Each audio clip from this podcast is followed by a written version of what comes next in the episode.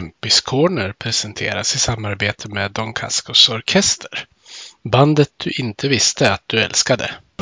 Vi älskar att vinna och hatar förlust Men alltid vi hyllar vårt lag hjärtats lust Övik, ja, Övik, ja, där trivs vi bäst Med matcher i lyan, ja, då är det fett För vi älskar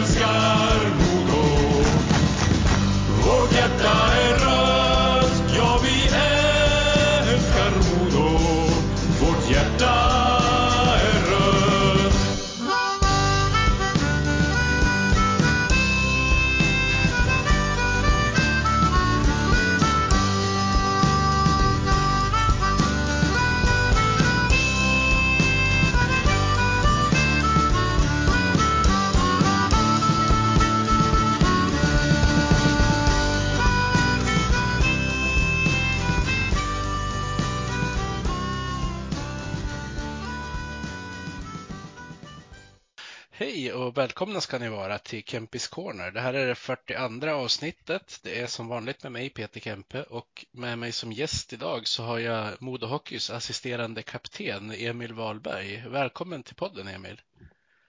Tack så mycket. Poddebut för dig. Ja, det stämmer. Det är första gången. Ja, vad har du för förväntningar på podden om, om du har några överhuvudtaget?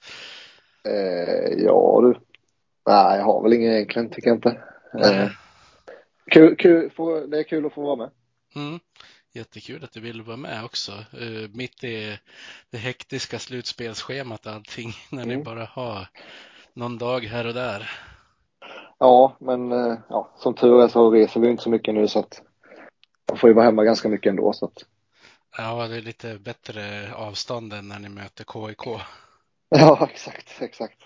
Mm. Eh, men du började ju din hockeykarriär i Åseda. Den, det är väl inte en förening som är jättekänd för att fostra eh, hockeyspelare i de två högsta divisionerna i Sverige?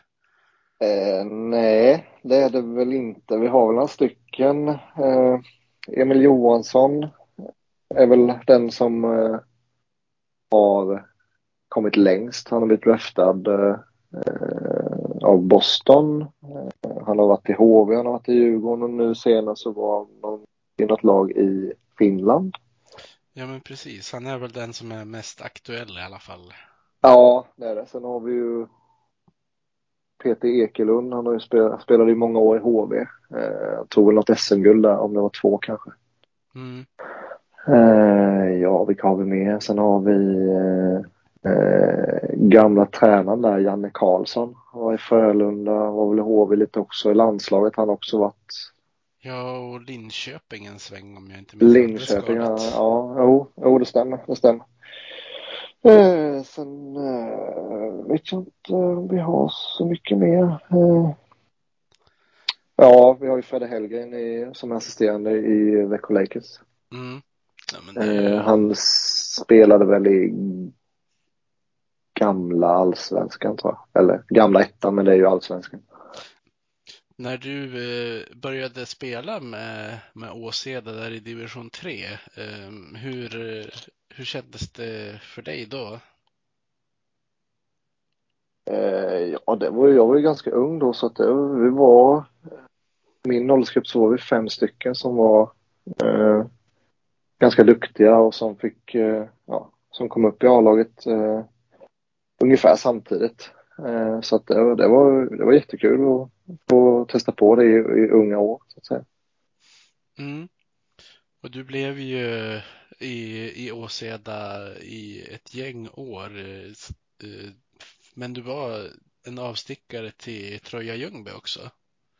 Ja, eh, nej men jag sökte väl när det var dags för hockeygymnasium så sökte jag till, eh, till Tingsryd. Jag kom inte med TV-pucken eller någonting så, så att det var ju aldrig aktuellt att söka till de större hockeygymnasium som fanns liksom, utan det var ju mer, ja, försöka komma in på något som var lite, lite mindre fast ändå bra. Eh, då var det, jag sökte till Tingsryd men där kom jag inte heller in för de tog in, de tog in det året väldigt mycket TV-puckspelare.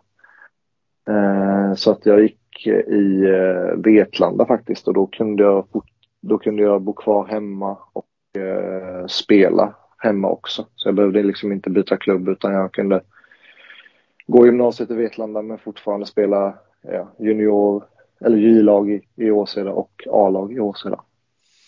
Just det. Eh, vilken position spelade du på då? Eh, då var jag center. Tror du att det var därför du inte kom in i TV-pucken? Det brukar väl kanske vara mer konkurrens på forwardsidan? Ja, jag vet inte. Eh, det, eh, 89 i Småland hade en väldigt bra årgång och det var ju liksom det var ju både forwards och backar så jag tror inte jag hade kommit med även om jag hade varit back eller om jag hade varit forward eller center sådär. Så att, de var väldigt bra och sådär så att eh, jag var, jag var med till det var kanske 30 man kvar eller sånt där. Sen åkte jag den så att det var väl. Man var väl inte bättre än så helt enkelt. Eh, hur känner man där och då när, som du ändå säger, var ganska nära men blev kanske utvald i, bortvald i sista gallringen? Ja, det var inte sista, det var väl kanske tredje, tredje sista eller något sånt där. Nej, alltså det var ju tråkigt. Man, eh, man kämpade ju för det, men eh, sen är det ju ingenting man kan gå och hänga läpp över heller liksom. Det, jag spelade ju, då spelade jag hockey för att jag ville bli så bra som möjligt och för att jag tyckte det var jäkligt roligt och det, så det gör jag ju fortfarande liksom. Mm. Eh, du spelade ju i Åseda fram till säsongen 10-11. Eh, sen, mm. sen gick du till eh, Vimmerby. Ja, Eh, ja, det var ju där efter gymnasiet så gick jag till Trojas J20 då. Eh, och då kände jag att eh, då hade jag spelat två, två eller tre år i division 3 med eh, moderklubben då och kände att det var jag och en kompis som kände att vi ville spela med eh, ja, men grabbar i våran egen ålder. För i, i A-laget i Åseda var det ju väldigt mycket, eh, eller väldigt mycket olika åldrar. Eh, så vi kände att vi ville spela med eh, samma åldrar liksom, och, eh, eller samma ålder. Och då så lyckades Troja den våren ta sig upp till superelit. Så vi ringde helt enkelt ner dit och kollade om vi kunde komma ner och ja, få spela där och då fick vi komma och provträna. Och vad heter det, så gick det bra för båda två så då flyttade vi ner på hösten sen och spelade där en säsong och sen så var det lite oklart vad vi skulle ta vägen när vi skulle, efter det året då när vi blev seniorer.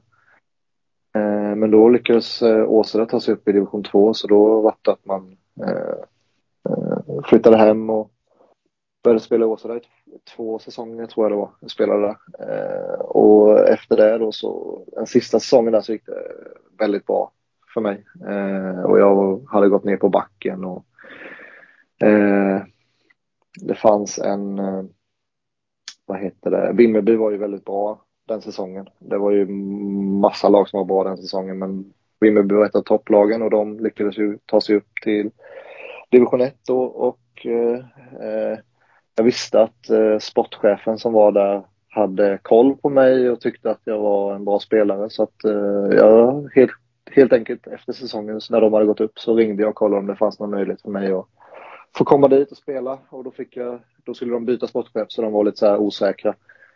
Eh, så eh, då fick jag tryout med dem eh, på om det var tre veckor eller något. Men redan efter en vecka så ville de skriva kontrakt direkt. Så att, eh, ja, då hamnade jag i Vimmerby. Mm. Och där fick du ju spela Hockeyettan i ett, mm. ett antal säsonger. Hur var det att ta steget upp dit? Eh, ja, det var ju alltså det är som alla steg. Ju, man måste ju höja sig hela tiden för annars så blir man inte så långvarig på eh, den den nivån om man säger. Eh, så att, eh, men jag kom in i det bra eh, och ja, jag blev ju jäkligt glad när de ville skriva kontrakt när jag hade haft trial-kontraktet. Så att jag skrev ju på första bästa kontrakt och det var kanske inte det smartaste jag har gjort i mitt liv men samtidigt så, så eh, ja, det gick bra. Vi trivdes, eller jag trivdes där så att eh, eh, det var, det, det var jäkligt kul att spela i Vimmerby var det.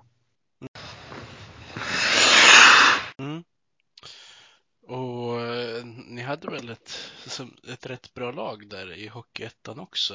Jag tyckte man hörde mycket om Vimmerby i alla fall. Ja, eh, det hade vi. Eh, första året så var det väl mer att då var det väl som för alla nykomlingar som det brukar vara liksom att ja, klarar man sig kvar så är det bra liksom. Men vi lyckades ju ta oss till allettan det året och sen så bara byggdes det vidare och organisationen och allting byggdes eh, successivt så att vi tog, vi tog oss till allettan alla år som jag var där. Eh, och eh, jag tror att de, sen de gick upp så har de missat allettan en gång så att eh, eh, det, nej men vi, vi hade bra lag, det hade vi och det hade vi alla år tycker jag. Mm. Ni hade ju en en blivande kultspelare med där också i, i, ehm, i Simon Dahl tänker jag på. Han har ju gjort hyfsat med poäng i division 3 på senare tid. Ja, jo, nej men det, ja, Simon är ju, eh, ja, han är en eh, jäkel på att göra poäng. Eh, han var, alltså han är jätteduktig så. Eh, och eh, han var jätteduktig i division 1 och eh, jag förstår att han gör mycket poäng i division 3 för att han är för bra för den nivån. Men eh, det är ju bara kul för en annan nu för att eh, han är ju i moderklubben så att, eh, och gör poäng där så det är ju bara bra för mig. ja, precis. Ehm, men eh, när du eh, när du spelade säsongen 15-16 i Vimmerby, då fick du bli lagkapten. Eh, hur kom det sig och hur är du som ledare? ja du, eh, det var egentligen året innan eh, säsongen 14, 15 har jag för mig det var. Eh, då hade vi en väldigt bra första femma i Vimmerby. Det var två ruskigt bra offensiva backar och en kedja som funkade utmärkt. Och i ettan är det ju så att det är lite svårare att hålla spelarna och man skriver ju, eller då var det i alla fall så att det fanns ofta klausuler i kontrakten att eh, man fick gå till allsvenskan då eller högre om tillfället gavs. Och vi tappade faktiskt eh, fyra stycken av fem eh, från första kedjan under säsongen. Så eh, jag var kapten redan då. Eh, när, för det var vår kapten stack där till Södertälje. Eh, de var i allsvenskan då och eh, låg riktigt illa till. Eh, och det slutade ju med sen att de åkte, det var ju då de åkte ur eh, Södertälje. Eh, så eh, det blev ju att jag blev kapten redan där då och sen eh, året efter sen 15-16 så eh, eh, ja, så frågade den nya tränaren om jag fortfarande ville vara kapten och eh, då sa jag att det, det kan jag absolut tänka mig att vara. Eh, hur jag är som kapten, ja. Eller hur jag var som kapten. Jag vet faktiskt inte riktigt. Eh, jag, jag, är inte den som snackar jättemycket eh, i omklädningsrummet så. Utan eh, när jag väl snackar så försöker jag, försöker jag snacka vettigt om man säger. Alltså, då, då är, då är, jag försöker ofta ha det genomtänkt när jag väl snackar liksom. Det är väl så jag försöker vara. Jag försöker väl visa mest på isen. Ja, det brukar ju ofta vara ungefär sådana svar man får av de som har ja. haft kaptensroller också. Ja. Eh, men eh, efter eh, den där säsongen med Vimmerby, då fick du din första chans i Hockeyallsvenskan med Västervik. Hur gick det till när du hamnade där? Ja, det är väl också en lite speciell historia. Eh, vi fick ju, jag och min fru fick vårt första barn eh, 2014 på hösten. Eh, och hon kom tre månader för tidigt eller 11 veckor för tidigt. Så att det var väldigt mycket sjukhus och vi låg inne på sjukhus totalt i tio och en halv vecka där, så att säsongen 14-15 var ju väldigt så här, eh, ja men, jag tränade lite, spelade någon match, sen vi eh, var på sjukhuset och så hade jag ett jobb med som jag försökte sköta och ja, eh, så det var väldigt mycket eh, flaxande om man säger hoppade dit och hoppade till jobbet och sådär. Sen så, eh, ja, beslutade väl jag och eh, frun då att vi skulle, eller att jag kunde spela ett år till. Eh, men vi kände väl ganska fort Eh, att det inte funkade för att jag hade ju som sagt ett heltidsjobb med så jag var ju knappt aldrig hemma. Jag gick hemifrån vid ja, halv, eh, kvart över sex på morgonen och kom hem vid kvart över sju, halv åtta på kvällen liksom och ha en, ha en nyfödd och, eller en ettåring då hemma eh, är inte jätte det var inte jätteoptimalt så att då bestämde jag mig för att eh, det här funkar inte längre och att jag skulle eh, sluta med hockey. Eh, och och eh, då, då lyckades ju faktiskt eh, Västervik då, som jag hade mött väldigt mycket i division 1 då eftersom Vimmerby och Västervik är ju bara 45 minuter mellan varandra och det var ju derby och sådär så att eh, de lyckades ju gå upp och Kalin då eh, var ju tränare där så han hade ju bra koll på vem jag var och hade mött mig många gånger och då eh, och det var ju några spelare i Västervik också som jag spelade med i Vimmerby första året jag spelade i Vimmerby. Eh, bland annat Emil Georgsson då som är, ja, nu är sportchef i Södertälje. Så eh, ja, då ringde de och kollade om jag skulle vara intresserad av att spela med Västervik i Allsvenskan och eh, det är klart att det vart ju eh, lite annorlunda jag kunde liksom ta tjänstledigt från jobbet och bara fokusera på hockeyn under hockeysäsongen. Så då gick det att kombinera med familjelivet också. Så att ja, på den vägen var det. Så det blev en, en sorts tvärvändning i ditt liv med andra ord? Ja, det kan man säga. Där. Vi slutade väl spela i... Vi kom väl sist i allettan det året med Vimmerby så att eh, jag tror att vi slutade spela någon gång i mitten på februari och ja, då hade jag ju bestämt mig för att jag skulle sluta så jag rörde väl inte mig en meter från februari till eh, mitten på april när Västervik gick upp och så ringde de och då fick jag ju panik när det väl blev klart för jag var ju tvungen att börja träna. Så att, ja. så att eh, ja. Men det, det, var ju, det var ju kul att det blev som det blev. Ja men precis. Det, jag förstår att som du, som du säger att det varit jäkligt jobbigt och du kan inte ha haft många timmar att, sova på heller utöver all annan Nej, alltså, det var väl så att eh, det var väl inte det var väl inte mest jobbigt för mig utan det var väl mest jobbigt för min fru så att mm. då kändes det väl som att det var ja, hon hade ställt upp så många år så att jag var tvungen att försöka ge tillbaka lite om man säger. Ja, men precis. Eh, men blev det lättare för, för er eh, när du fick chansen att spela hockey på heltid? Eh, kunde hon få lite mer avlastning då? Ja, det tycker jag att hon fick. Det tror jag hon tycker själv också. Sen så tyvärr så satte ju det sig lite djupa spår i henne när, ja, när hon fick vara hemma så pass mycket med och inte fick någon avlastning så.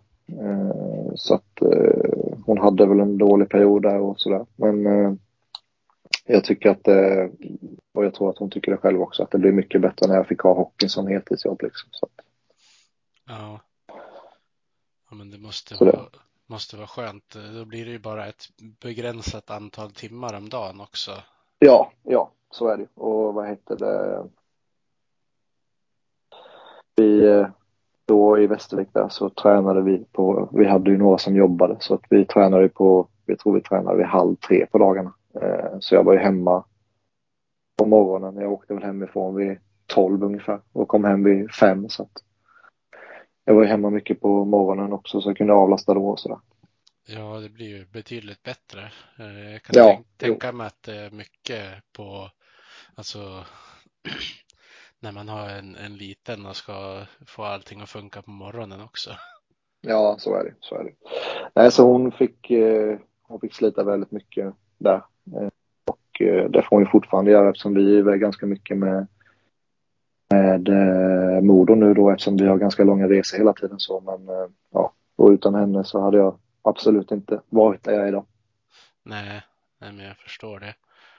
Um, hur, eh, hur kände du att det funkade för dig i, i Västervik och Hockeyallsvenskan? Ni som lag gjorde ju succé måste jag säga.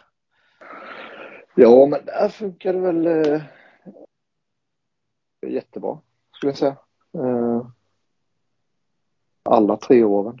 Jag hade väl en liten dipp i början på tredje året, men eh, annars så, ja, det funkar jättebra. Det var väl eh, andra året där fick vi kvala, men det var ju på, precis på håret. Vi hade ju allt i egna händer och skulle bara som sagt gå ut och vinna sista matchen så hade vi klarat oss men vi tyvärr förlorade vi och då fick vi kvala men vi klarade ju kvalet sen. Eh, Kalin var ju i Mora då så han eh, kom ju tillbaka till kvalet och hjälpte oss kvar.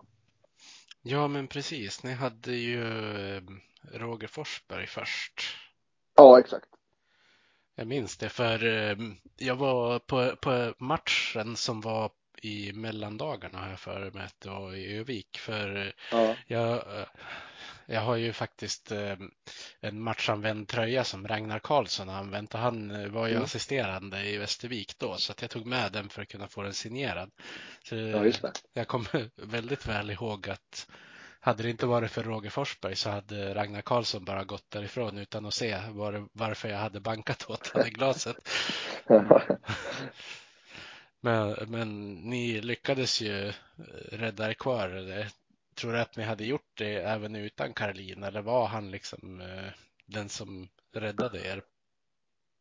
Eh, nej, jag tror faktiskt inte vi hade klarat oss eh, om inte han hade kommit tillbaka. Eh, han ändrade väl inte jättemycket när han kom in, men det var lite små detaljer som ändrade sig och det kändes som att folk började tro på det mer när han kom in och ja, efter att han kom in så gjorde vi väl ganska stabila matcher under hela slutskedet om man säger. Jag tror vi slutade etta i den här kvalserien fram till slut så att Ja. Uh, och där spelade du ju med en annan kultfigur, Conny Strömberg. Hur, hur var det att vara lagkamrat med han? Eh, ja, men Conny han är, han är fin han. Eh, det var kul. Eh, det var ju en sån spelare som man hade sett upp lite till så, när man var yngre och, och sådär. Så att, eh, det var ju bara häftigt att få eh, lära sig av honom också. Spela lite powerplay ibland med honom och sådär. Ja, men han, eh, han lämnade ju er för eh, Västerås där och hjälpte dem upp i, i Hockeyallsvenskan också. Mm, ja. Jo, vi mötte ju han där på slutet. Det gjorde vi. Ja.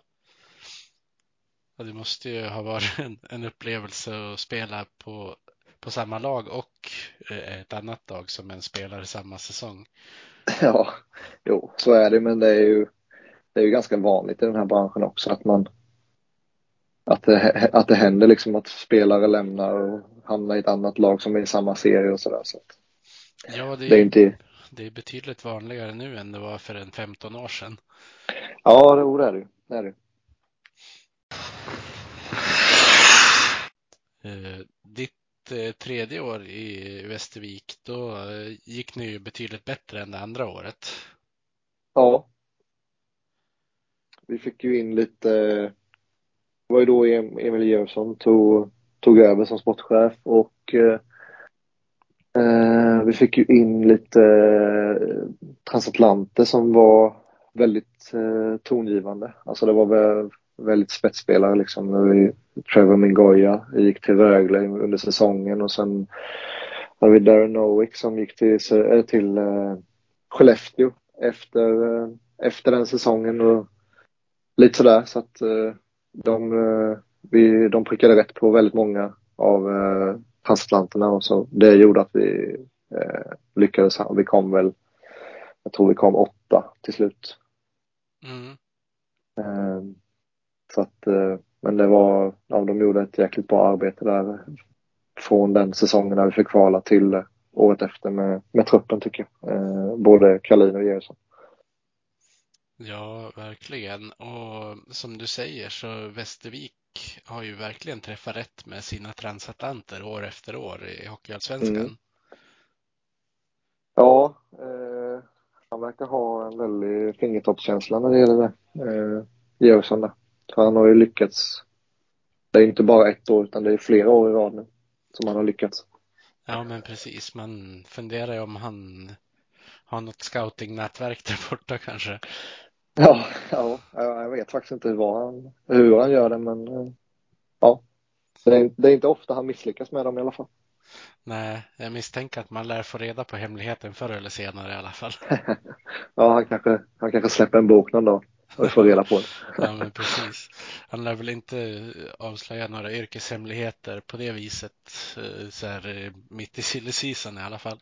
Kan Nej, det lär han inte göra. Nej, det lär han inte göra. Nej. Eh, men du fick ju efter den säsongen ehm, gå till Oskarshamn och eh, i SHL. Eh, för det första, hur var det att byta mellan de klubbarna? Det finns väl en, en viss rivalitet va, mellan Västervik och Oskarshamn? Eh, ja, eh, det, det var väl inte jättekänsligt för mig ändå eftersom eh, eftersom IK då hade gått upp i SHL. Det hade nog varit mer känsligt eh, om man hade gjort det när IK fortfarande låg kvar i allsvenskan. Eh, så det hade det nog varit, men eh, ja, det var, eh, vad heter det, vi, eh, ja, från början var det väl tänkt egentligen att det skulle vara från allsvenskan, eller för allsvenskan. Att eh, in, när vi först började prata, jag och Oskarshamn, så var det ju, tanken var ju, de hade inte gått upp ändå så att det var ju för allsvenskan. Eh, som jag skulle dit då i så fall, om jag skulle ta det. Eh, sen så lyckades de ju gå upp och eh, då tänkte jag att eh, ja, det lär ju inte bli någonting eftersom de har gått upp i SHL då. Men sen ringde sportchefen där och sa att eh, han hade pratat med tränarna och tränarna ville fortfarande ha att jag skulle komma. Så då, då var det inte ett jättesvårt val. Nej, det förstår jag. Uh, hur var det att steppa upp och spela i högsta ligan? Uh, ja, det var, det var tufft. Det var ju som sagt en nivå till upp och um, vad heter det, Spel, spelarna är ju bättre och det går fortare och uh, det, det, är inte lika mycket misstag och ja, sådär så att det var tufft men det var jäkligt lärorikt. man fick verkligen anpassa sitt spel. Jag var ju, när jag spelade i Västervik och i Vimmerby så var jag ju mer en tvåvägsback. Men eh, märkte väl ganska snabbt när jag kom in i Oskarshamn och SHL att jag inte hade, eller vi hade, vi hade bättre tvåvägsbackar än vad jag var. Så jag försökte liksom bara bidra med att vara så stabil som möjligt bakåt. Och jag tycker det funkade väldigt bra första säsongen faktiskt i Oskarshamn. Även att vi fick, eller även att vi kom sist så kändes det helt okej okay för mig den säsongen faktiskt. Ja, men precis. Det var väl den som blev eh, stoppad på grund av att det här eh, pandemin bröt ut. ja, vi var ju på den, ja, vad ska man säga, roliga sidan där. Att vi slapp ju spela det här kvalspelet. Då. Det var väl kanske inte lika roligt att vara eh, Modo, Björklöven och Timrå spelade just det året. Nej, men precis. Och AIK var väl också de var ju egentligen katastrof den säsongen så de vart nog glada ja, att det inte blev något kvalspel neråt. Ja, det var väl, var väl vi och Leksand kom ju före oss precis. Men skulle ju kvala också. Och sen var det AIK i Allsvenskan och så var det något mer lag. Så att, ja, ja, vi, det, jag vet som sagt, det är svårt att säga hur det hade gått liksom, men eh, vi hade ju fortfarande haft väldigt lite press på oss eftersom vi, eller alltså Oskarshamn var ju en väldigt liten klubb då. Så. Eh, hade vi mött till exempel Modo så hade det ju nästan varit Alltså Modo hade ju nästan varit, eh, det hade ju nästan varit större press på dem att de skulle gå upp eh, än att vi skulle hålla oss kvar liksom. Ja, precis. Det var ju fortfarande mm. flera steg kvar också innan ja. det var någon som var klar för det där kvalet. För det var ju... Jo, så är det. För det var ju... Det där var ju en final om den ena platsen. Sen skulle ju det andra laget spela mot ett annat lag ja. om den andra platsen. Så. Ja, alltså det, det, vi visste var ju egentligen, vi kom ju sist så vi skulle ju möta antingen Modo eller Björklöven för de var ju i finalen i, all, ja, i Hockeyallsvenskan då.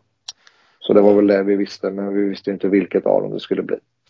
Nej, men precis. Och den finalserien förändrades ju allting över en natt mer eller mindre. Och man förstod väl när den där matchen, den första spelades utan publik, att det inte skulle bli något mer. Ja. Jo, alltså det, det förstod man ju. Man förstår ju också liksom frustrationen som blir i ja, Björklöven och Modokretsar. Eh, att det stängs ner. Samtidigt så var ju vi väldigt glada att det gjorde det. Ja, men precis. Och nu något år efter så är det ju fullt förståeligt när man tänker på hur länge den där pandemin ändå blev kvar och att ingen visste vad, vad som väntades där och då. Så det är klart att det var i retrospekt rätt beslut att stänga ner allting. Men som, som du säger så var det ju en del frustration där och då. Ja, jo, jo men det kändes så då i alla fall. Eh, att det skulle stängas ner och sådär. Sen så vet jag inte om vi hade spridit någon vidare smitta om man hade spelat klart den säsongen helt och hållet heller. Jag vet, men det, det får vi aldrig reda på. Så Nej, men eh, precis. Och... och... man kunde ju spela året efter. Sen kunde man ju spela inför tomma läktare så att eh, nog hade det, nog, det hade nog kunnat gå att spela klart den där säsongen också egentligen. Men det visste man ju inte då. Nej, men visst, man hade ju ingen aning om hur smittsamt det skulle vara eller någonting. Så jag förstår nej, ju också nej. att man vill stänga ner allt som inte är väsentligt när det blir så där. Ja, jo, så är det ju. Mm. Uh, men du fick ju spela uh, en säsong till i Oskarshamn. Men där, då, då, spelade du inte alla matcher. Eh, hur mycket istid hade du i de matcherna som du fick vara med och spela? Ja, det var väldigt olika faktiskt. Vissa matcher så var jag med eh, och spelade inte en enda sekund och vissa matcher så kunde jag ha 15 minuter och, och sådär. Eh, så att, eh, ja, nej men det var väl som, alltså Oskarshamn klarade sig kvar då på grund av coronan där och eh, kunde ju bygga en ny trupp till året efter och jag satt ju på mitt tvåårskontrakt så jag var ju klar för det året också. Men eh, det blir ju, alltså de tar ju, man tar ju steg hela tiden så att eh, de byggde ju en bättre trupp till år två och det visade ju också tabellen. Vi slutade väl 11 tror jag till slut. Eh, så att, och det var ju, det var ju lite bättre backar och sådär, eller? Och det vart ju mer tuff konkurrens. Ja, eh. precis. Det var ju bland annat Brian Cooper som kom in från Björklöven som ja. förmodligen loggade en hel del istid i alla matcher. Ja, ja, men han var ju, han var ju vår bästa back. Det var han. Eh, och han har ju varit bästa back i, i Oskarshamn i år också. Och sådär, så att, nej, så det blev en tuff konkurrens och tyvärr så tyckte de att jag var den som var den, de säm, den sämre av oss då. Så att, eh, då fick jag ibland spela, ibland inte. Ja. Eh, tappar man glädjen för sporten när det blir så?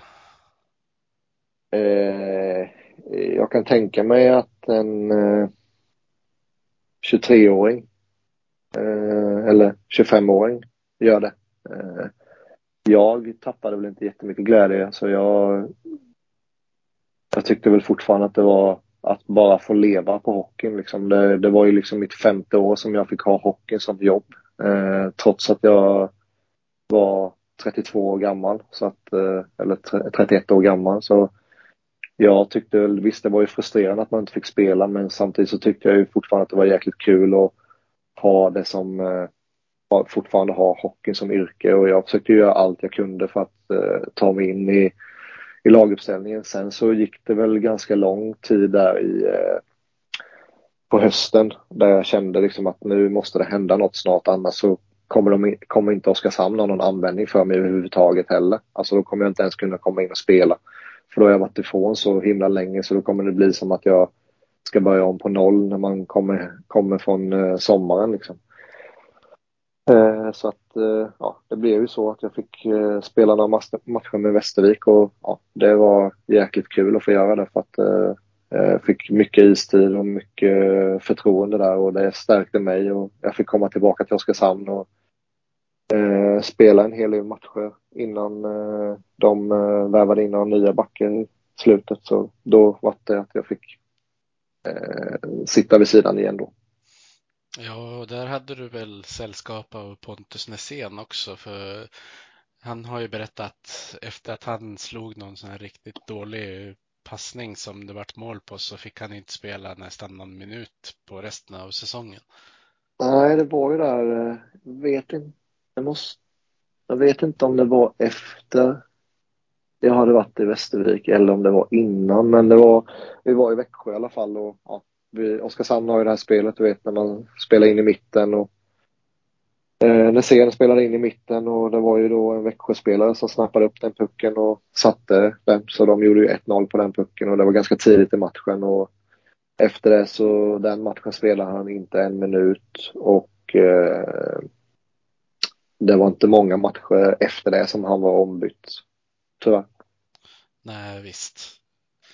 Och då kan jag tänka mig att det, det tar emot ännu mer när, när man ser att det plockas in fler backar när man redan är i den sitsen.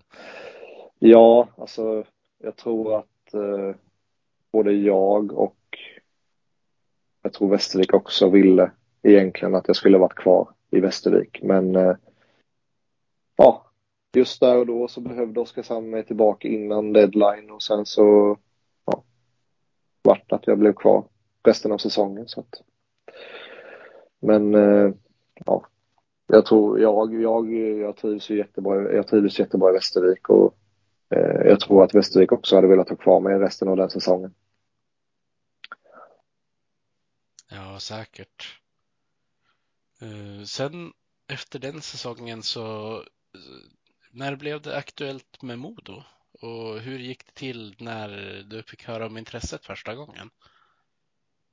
Eh, ja, eh, det var ju när jag, när jag skrev kontraktet med Oskarshamn så hade jag inte agent. Men när, eller när jag hade skrivit och börjat spela Oskarshamn så Eh, så träffade jag en agent som ja, jag började samarbeta med så han började ju lägga ut lite krokar och sen skulle ju då, jag visste ju då att Tex skulle eh, upp till eh, Modo eh, och att Modix skulle upp hit och sen så ja, så var det ju snack om att Kalin skulle hit och jag visste ju att Kalin, eller att jag har funkat bra under Kalin innan så att eh, jag sa helt enkelt till agenten att eh, jag och familjen, eh, vi har snackat och vi är redo för, vi är redo för ett äventyr liksom. Eh, så att eh, du får jättegärna kolla runt i, i Hockeyallsvenskan bland, eh, ja, egentligen alla klubbar då, men eh, eh, skulle det funka, eller skulle Modo vara intresserade så skulle det vara ett jättebra alternativ för oss. För att, eh, ja, jag har ju alltid, eller inte alltid, men från, säg åtta års ålder så har jag, har jag hejat på mod också så att eh, det var ju som en barn, barndomsdröm att få komma upp hit och spela och det var därför jag kände att eh, jag verkligen ville hit om de skulle vilja ha mig. Ja, det förstår jag om man har, har känslor för en klubb så där sedan tidigare. Ja. Eh, men som, som hockeyspelare, vad hade du för bild av Modo som förening? Och tycker du att klubben, när du kom dit, eh, att det var ungefär som du trodde? Eller? Eh, så, alltså utifrån sett, eh, när man har spelat mot dem, det har alltid varit häftigt att komma upp och spela i, ja, eh, då hette det ju Fjällräven, men Hägglunds arena och sådär. Eh, men det kändes som att när man, när man, när man spelade mot dem, när man spelade i Västervik så kändes det lite som att de fortfarande ansåg sig som att de låg, var kvar, att de var kvar som SHL-klubb. Eh, trots att de låg i Allsvenskan då. Eh, men jag tycker inte att det, det, var inte så när man väl kom hit. Eh, jag tycker inte att det är så utan jag tycker man, eh, det känns som att klubben bygger för att om man säger ta sig tillbaka. Men eh, man gör det med långsiktighet. Ja, för eh, de första åren var det väl desperation att vi måste tillbaka nu. Ja, det kändes lite så när man spelade mot Modo i alla fall. Sen så kanske det inte var så. Men eh, det var, det var den känslan man hade i alla fall. Mm. Men när man väl kom upp hit och ja, jag tycker att det, det är ju den största föreningen som jag har spelat i. Men eh, jag måste säga att jag trivs otroligt bra och den är väldigt familjär trots att den är så stor föreningen. Eh, och ja, man hälsar på alla och ja, alla vet vem alla är och sådär. Så att eh, den är, det, jag har bara goda ord att säga om Modo. Ja, det känns verkligen som att man har hittat många bra personligheter som jobbar i föreningen inom olika roller. Eh, ja, absolut. Det tycker jag. Eh, nej, alltså, alltså tycker, jag tycker det, det jag, som, sagt, som jag sa innan så det, jag har bara goda ord att säga om Modo så att eh, tycker de har fått ihop alla pusselbitar faktiskt. Mm. Eh, hur har det blivit med, eller för familjen när ni flyttade upp? För så långt upp har du väl aldrig, eller ni aldrig bott förut? Nej, vi har inte, vi har ju haft i princip en timme hemifrån. Alltså från där vi kommer, eh, där vi är uppvuxna. Eh, så att det var ju lite speciellt men barnen är ju fantastiska så för de är ju väldigt anpassningsbara. Eh, så det tog väl kanske en vecka och sen så var de inne i sina nya rutiner här uppe liksom. Och frun har fått jobb och lite sådär så att eh, nej, vi trivs jättebra här uppe. Det, det har bara varit positivt egentligen. Det enda som är negativt med att flytta så här långt är att det är långt hem. Ja, precis. Och så när det har varit eh, pandemi på det så kan man väl inte mm, besöka och ta emot besök hur som helst heller? Eh, nah, ja. Jag tänker det, ju, det hade ju varit lättare om ni bodde där nere, om ni hade kunnat sätta utomhus kanske någonstans. Ja, så är det. Så är det. Sen så var det ju, nu när vi flyttade upp så var det ju, då, då startade ju med vaccinationen och det så att våra föräldrar och det, de har ju, de har ju varit vaccinerade sen nå, ja, något år tillbaka så de har ju kunnat komma och hälsa på så att säga. Så att, och vi har ju kunnat vaccinera oss också så att eh, vi har ju syskon och så med som har kunnat komma och hälsa på kompisar och så med så att eh, det har faktiskt inte varit så eh, stora problem med det. Tycker nej, jag inte. Det är ju bra. Ja, nej, men det har, det har funkat bra tycker jag. Ja, annars kan jag tänka mig att det kan bli en liten eh, separation ska jag väl inte säga, men en, en liten bro som kommer upp i vägen. Ja, så. Jo, så är det Så är det Och det, det, det var det är klart att det blir en omställning. Liksom barnen är ju uppvuxna med att eh, ja, inte ha eh, farmor, farfar, mormor och morfar runt knuten men i alla fall en timme bort så att de har ju liksom kunnat träffa dem ganska mycket under hela sin uppväxt och är väldigt tajta med, med dem. Liksom. Eh. Så det blir speciellt för dem att flytta så här långt och inte kunna träffa dem eh, ja, så mycket som de har gjort innan. Men som tur är så finns ju det finns ju Facetime och sånt idag så att eh, det blir ju en, en eh, annan närhet eh, mot vad det var förr när man bara kunde ringa liksom. Ja, precis. Det är bara doften som fattas mer eller mindre ja, nu för tiden. Ja, jo, så är det. Så är det. Ja. Men du skrev på ett tvåårskontrakt. Var det du som önskade längre än ett år eller var det föreningen eller var det både och?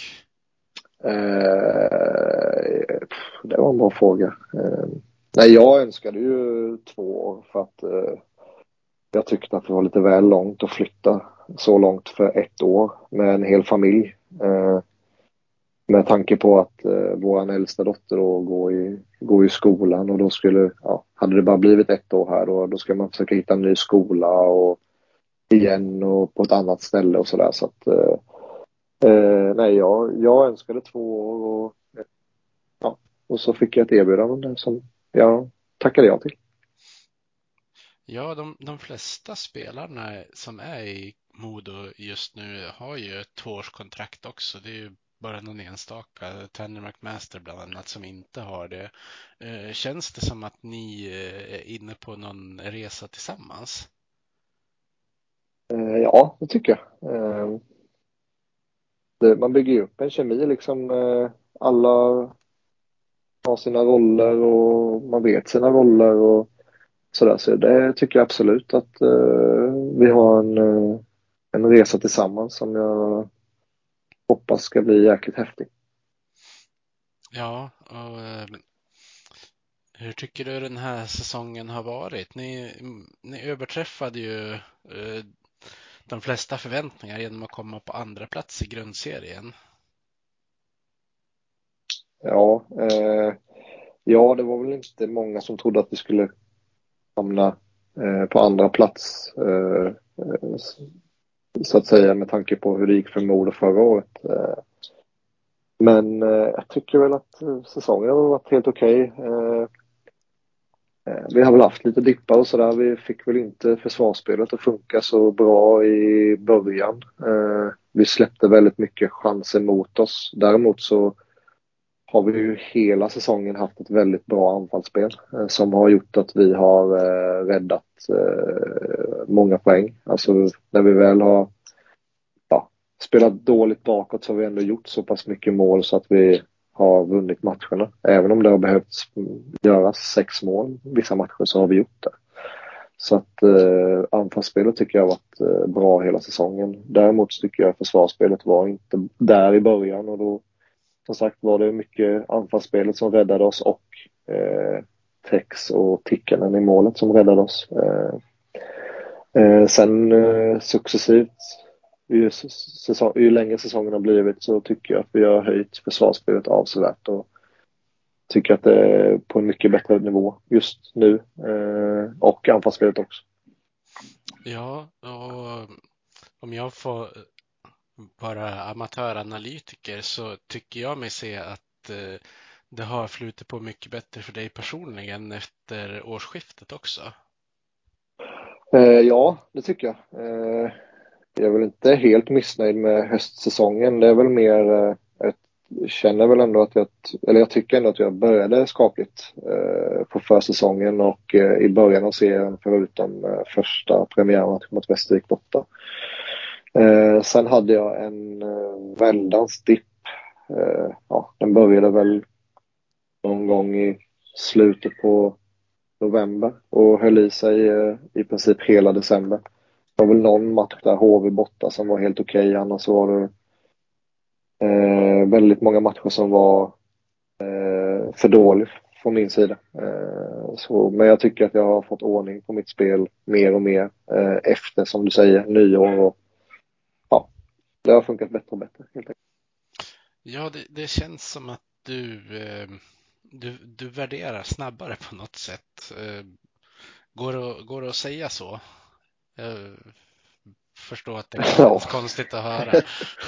eh, ja, kanske. Jag vet inte. Jag vet inte. Det, det man, eh, alltså när det börjar gå dåligt så vrider man och vänder på allting för att eh, försöka lösa de bitarna. Och tyvärr tog det lite för lång tid där i december för min del. Men eh, ja, skam den som ger sig. Ja, men precis. Och nu är ni ju inne i brinnande slutspel. Eh, ni slog ut KIK.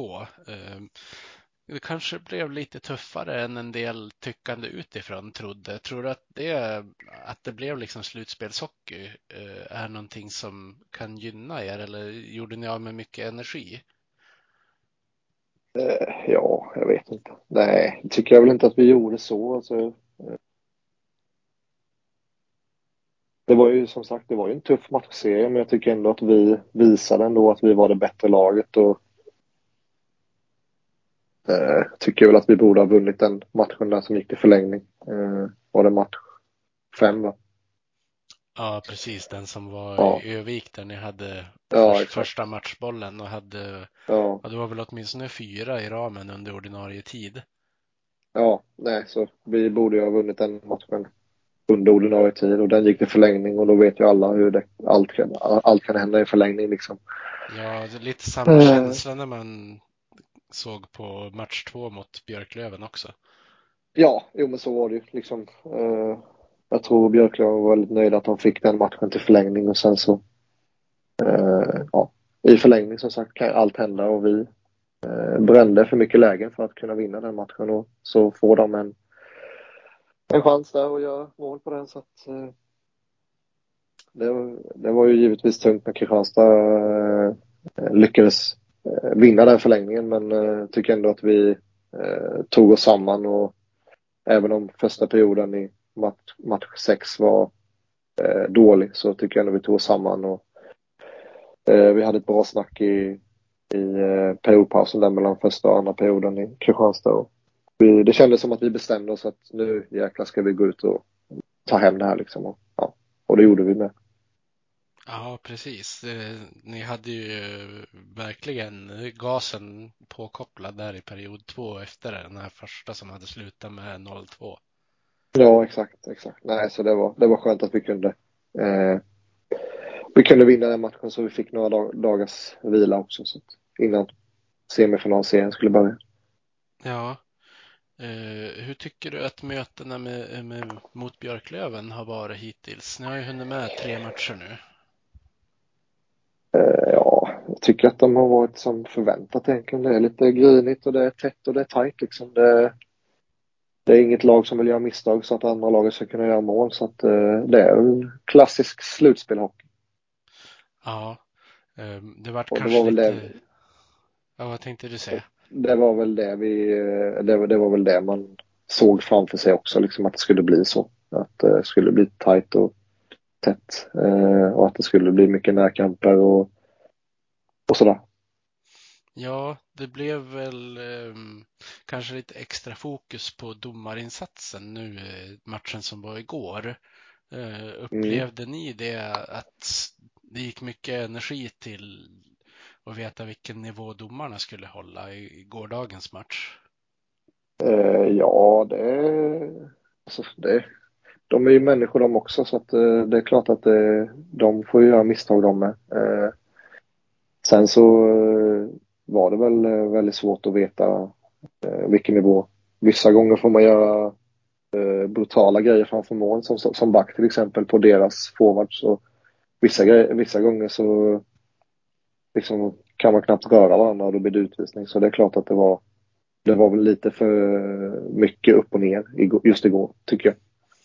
Ja, en sak som jag reagerade på som även har hänt tidigare under eh, slutspelshockeyn, det är ju den här situationen när Sebastian Olsson driver på mål och blir intacklad av backen i, i målvakten. Ehm, Ja, Det har ju även hänt att någon spelare i motståndarlaget har blivit tacklad av eh, en Modoback och åkt in i tex. Eh, Ja. Hur, hur tänker man där som, som back om man hamnar i den situationen? Alltså egentligen så vill man ju absolut inte eh, knuffa in någon i målvakten, för målvakten är ju väldigt oskyddad om man säger på så sätt när det gäller sådana smällar.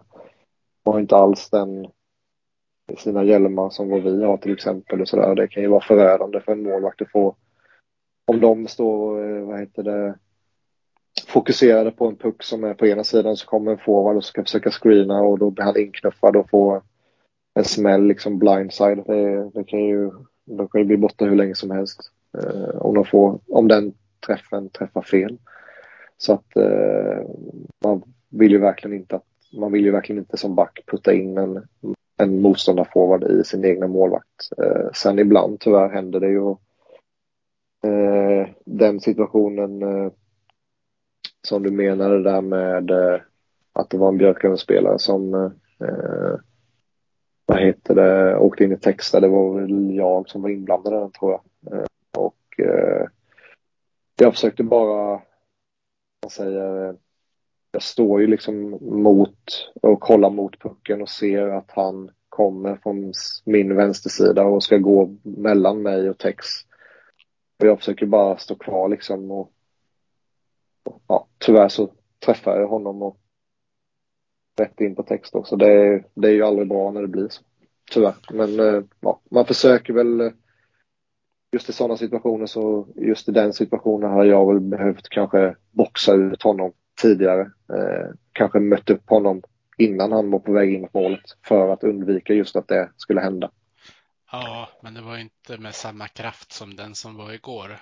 Den, Nej, alltså den som var igår. otäckt ut från början. Ja, ja verkligen. Eh, Sebbe han går ju på mål och han går ju liksom, han är ju före och det är ju Björklöven-spelaren som går in och stänger honom och liksom var ska Sebbe ta vägen? Han har ju sin åkriktning och hade inte Björklöven-spelaren eh, gått in där så hade ju det aldrig hänt. Men eh, nu går han in där och Sebbe kan ju liksom inte bara slå en tvärnit liksom. Eh, så att eh, det får nog, eh, det får nog vara, det tycker jag att det är eh, Björklövensbackens fel att det, det händer. Eh, och det är ju, jag vet inte hur han värderar den situationen men han kände väl att det var ett farligt läge och ville gå in och hjälpa till och ja, det blev lite fel.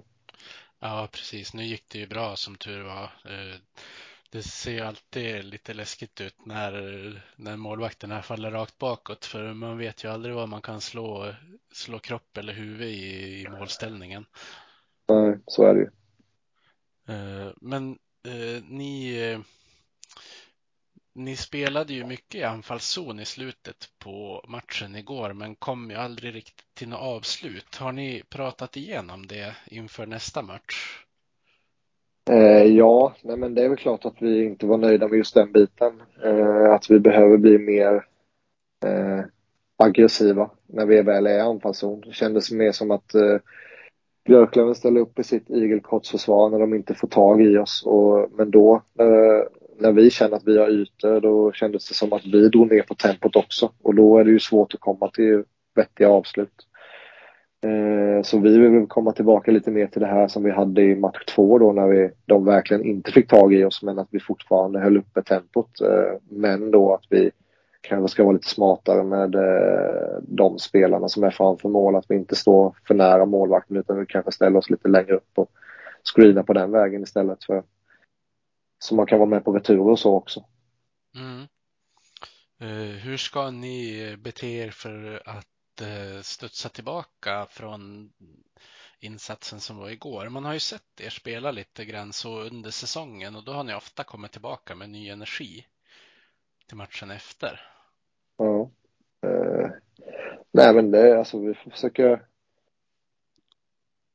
alltså egentligen uh, hitta tillbaka till Alltså vi, vi vet ju att vi är som bäst när vi har bra fart under våra eh, grejer liksom. Och eh, ja, vi, vi måste hitta tillbaka till, till farten eh, och eh, att vi är ettriga. För då vet vi att vi är jäkligt jobbiga att möta och då får vi mycket gratis chanser för att eh, motståndarbackarna och centrarna, eh, vad heter det, ja, kastar iväg puckar som, eh, som de inte vanligtvis brukar göra men det är för att vi stressar dem liksom så att eh, vi måste komma tillbaka till just den biten och då tror jag att vi har stora chanser att kunna göra något bra av det. Mm. Eh, innan vi avrundar, vad tror du är nyckeln i match fyra? För den måste ni väl mer eller mindre vinna känns det som.